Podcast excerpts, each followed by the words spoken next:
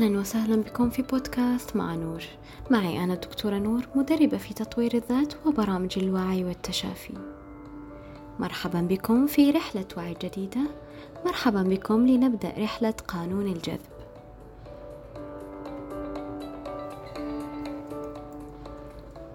قانون الجذب بين الواقع والخرافة.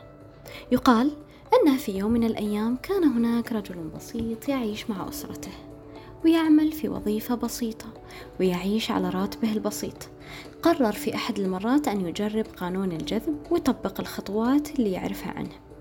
جلس جلسة مع ذاته وأغمض عينيه وتخيل أن خلال 24 ساعة امتلك طائرة خاصة. العجيب هنا أنه خلال 24 ساعة تحصل بالفعل على هذه الطائرة. لذلك الأمر بسيط جدا. أنت كذلك؟ ما عليك إلا أن تغمض عينيك. تخيل ما تريد وسوف تحققه وتجذبه بكل سهولة ويسر. وهذه هي خرافة قانون الجذب. وهذا ما جعل قانون الجذب للأسف محل سخرية واستهزاء من قبل الكثير من الأشخاص. لأن في الواقع قانون الجذب هو قانون كوني محكم. ولن يشتغل معك إلا إذا قمت بتفعيله بشكل صحيح. وذلك من خلال تفعيل العديد من الخطوات المهمة والمتكاملة في تحقيق تجلي الأهداف. انتشرت الكثير من المعلومات الخاطئة والإشاعات عن حول قانون الجذب.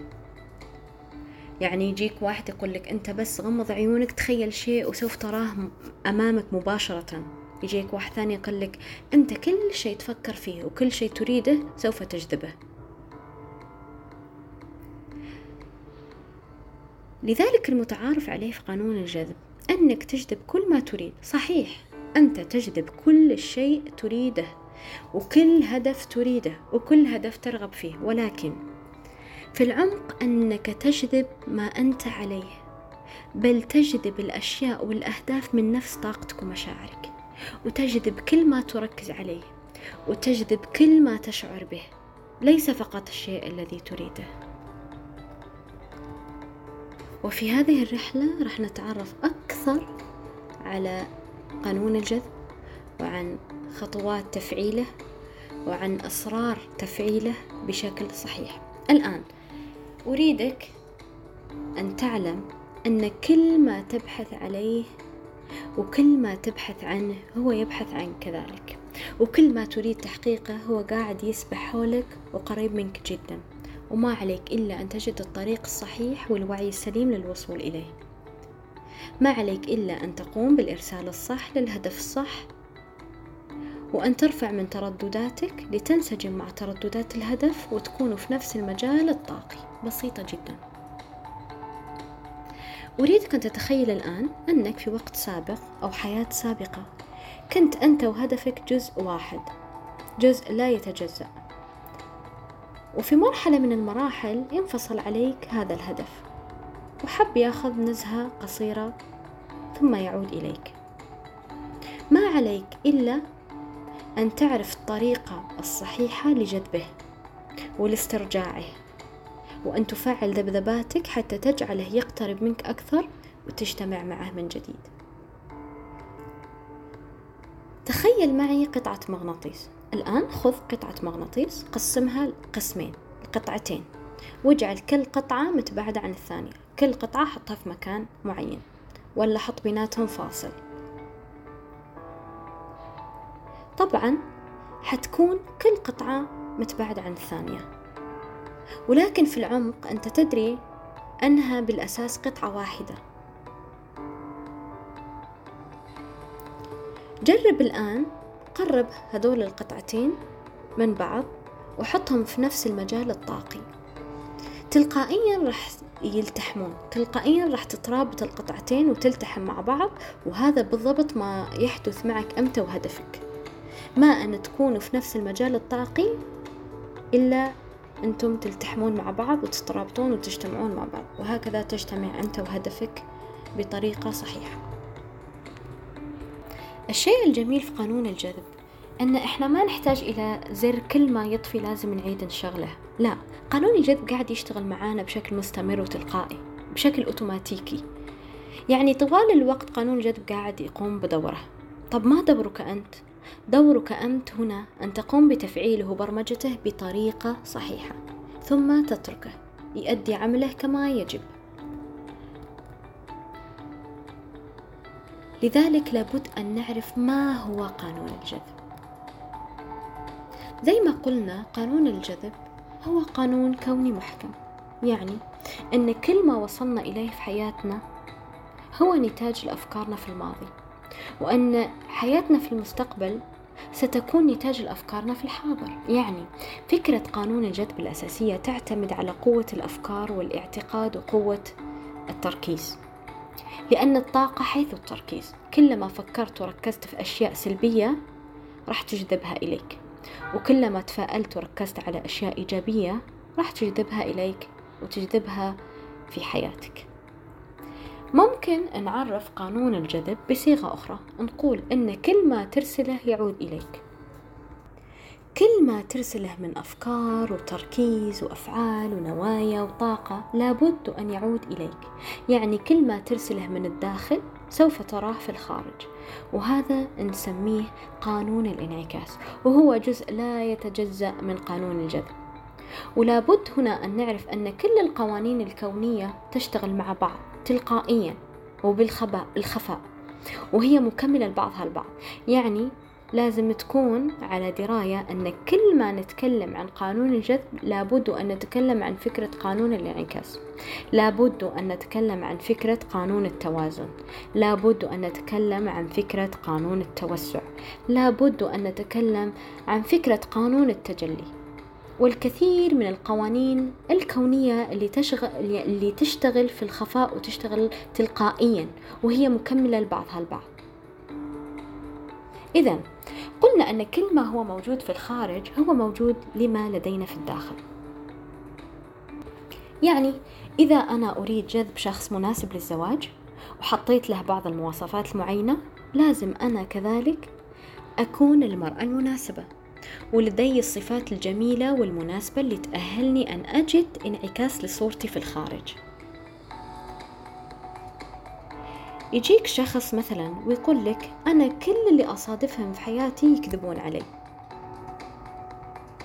شو العمل معاهم؟ كيف كيف أتعامل مع هذول الأشخاص؟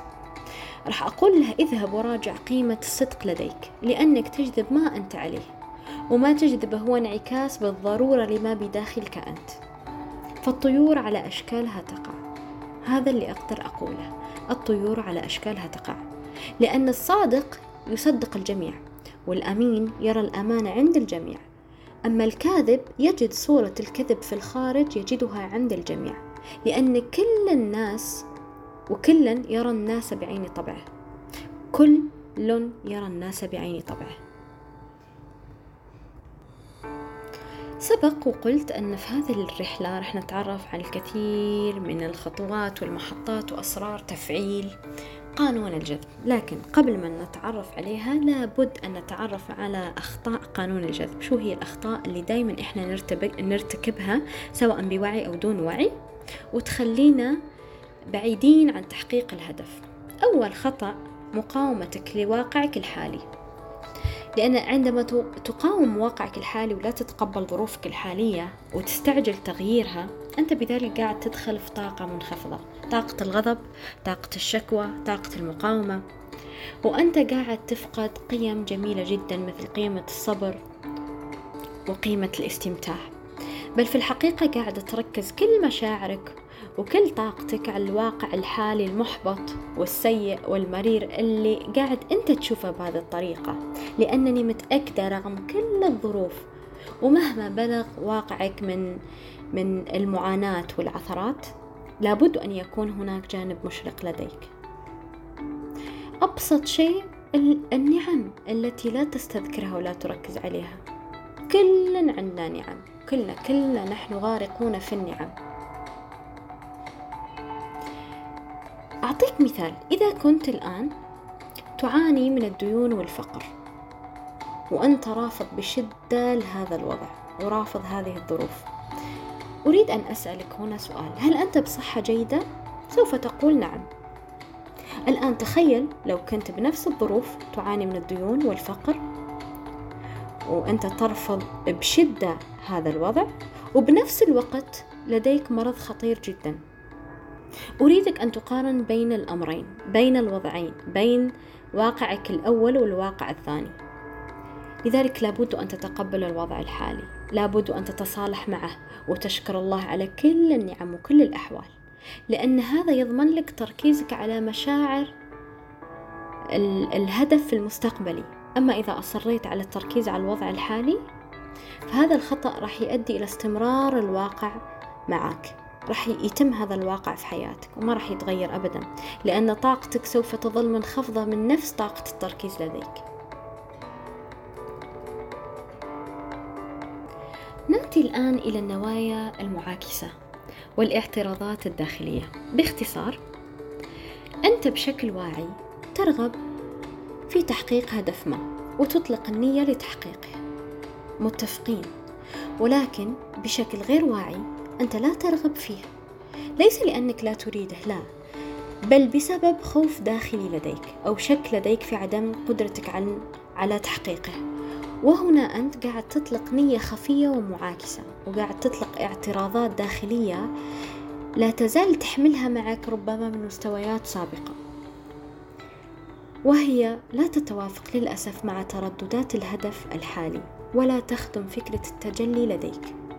ولا تخدم فكرة قانون الجذب لديك. ولا تخدم أي شيء من النوايا والأهداف لديك. لذلك النوايا لديك لا تتحقق. لابد أن تعرف أن النوايا اللي تحمل طاقة ومشاعر ومعتقدات عميقة جدا في مخزونك الداخلي هي التي تتجلى في الواقع. لذا لابد أن تتأكد كذلك أن كل النوايا اللي قاعد تطلقها لجذب هذا الهدف منسجمة ومتوافقة طاقيا مع الهدف ومنسجمة ومتوافقة طاقيا مع مشاعرك الدفينة في المخزون الداخلي لديك. مثلا كأن تنوي الزواج لكن بداخلك مشاعر الخوف من المسؤولية آه، مشاعر الخوف من الزواج بصفة عامة. بذلك أنت قاعد تصنع العائق الذي يحمل معتقد الخوف وفكرة الخوف. فتتجلى هنا نية البقاء أعزب. أو أنك تريد المال والثراء أو أنك تريد الوظيفة وبنفس الوقت تحمل آه، أفكار معاكسة لذلك.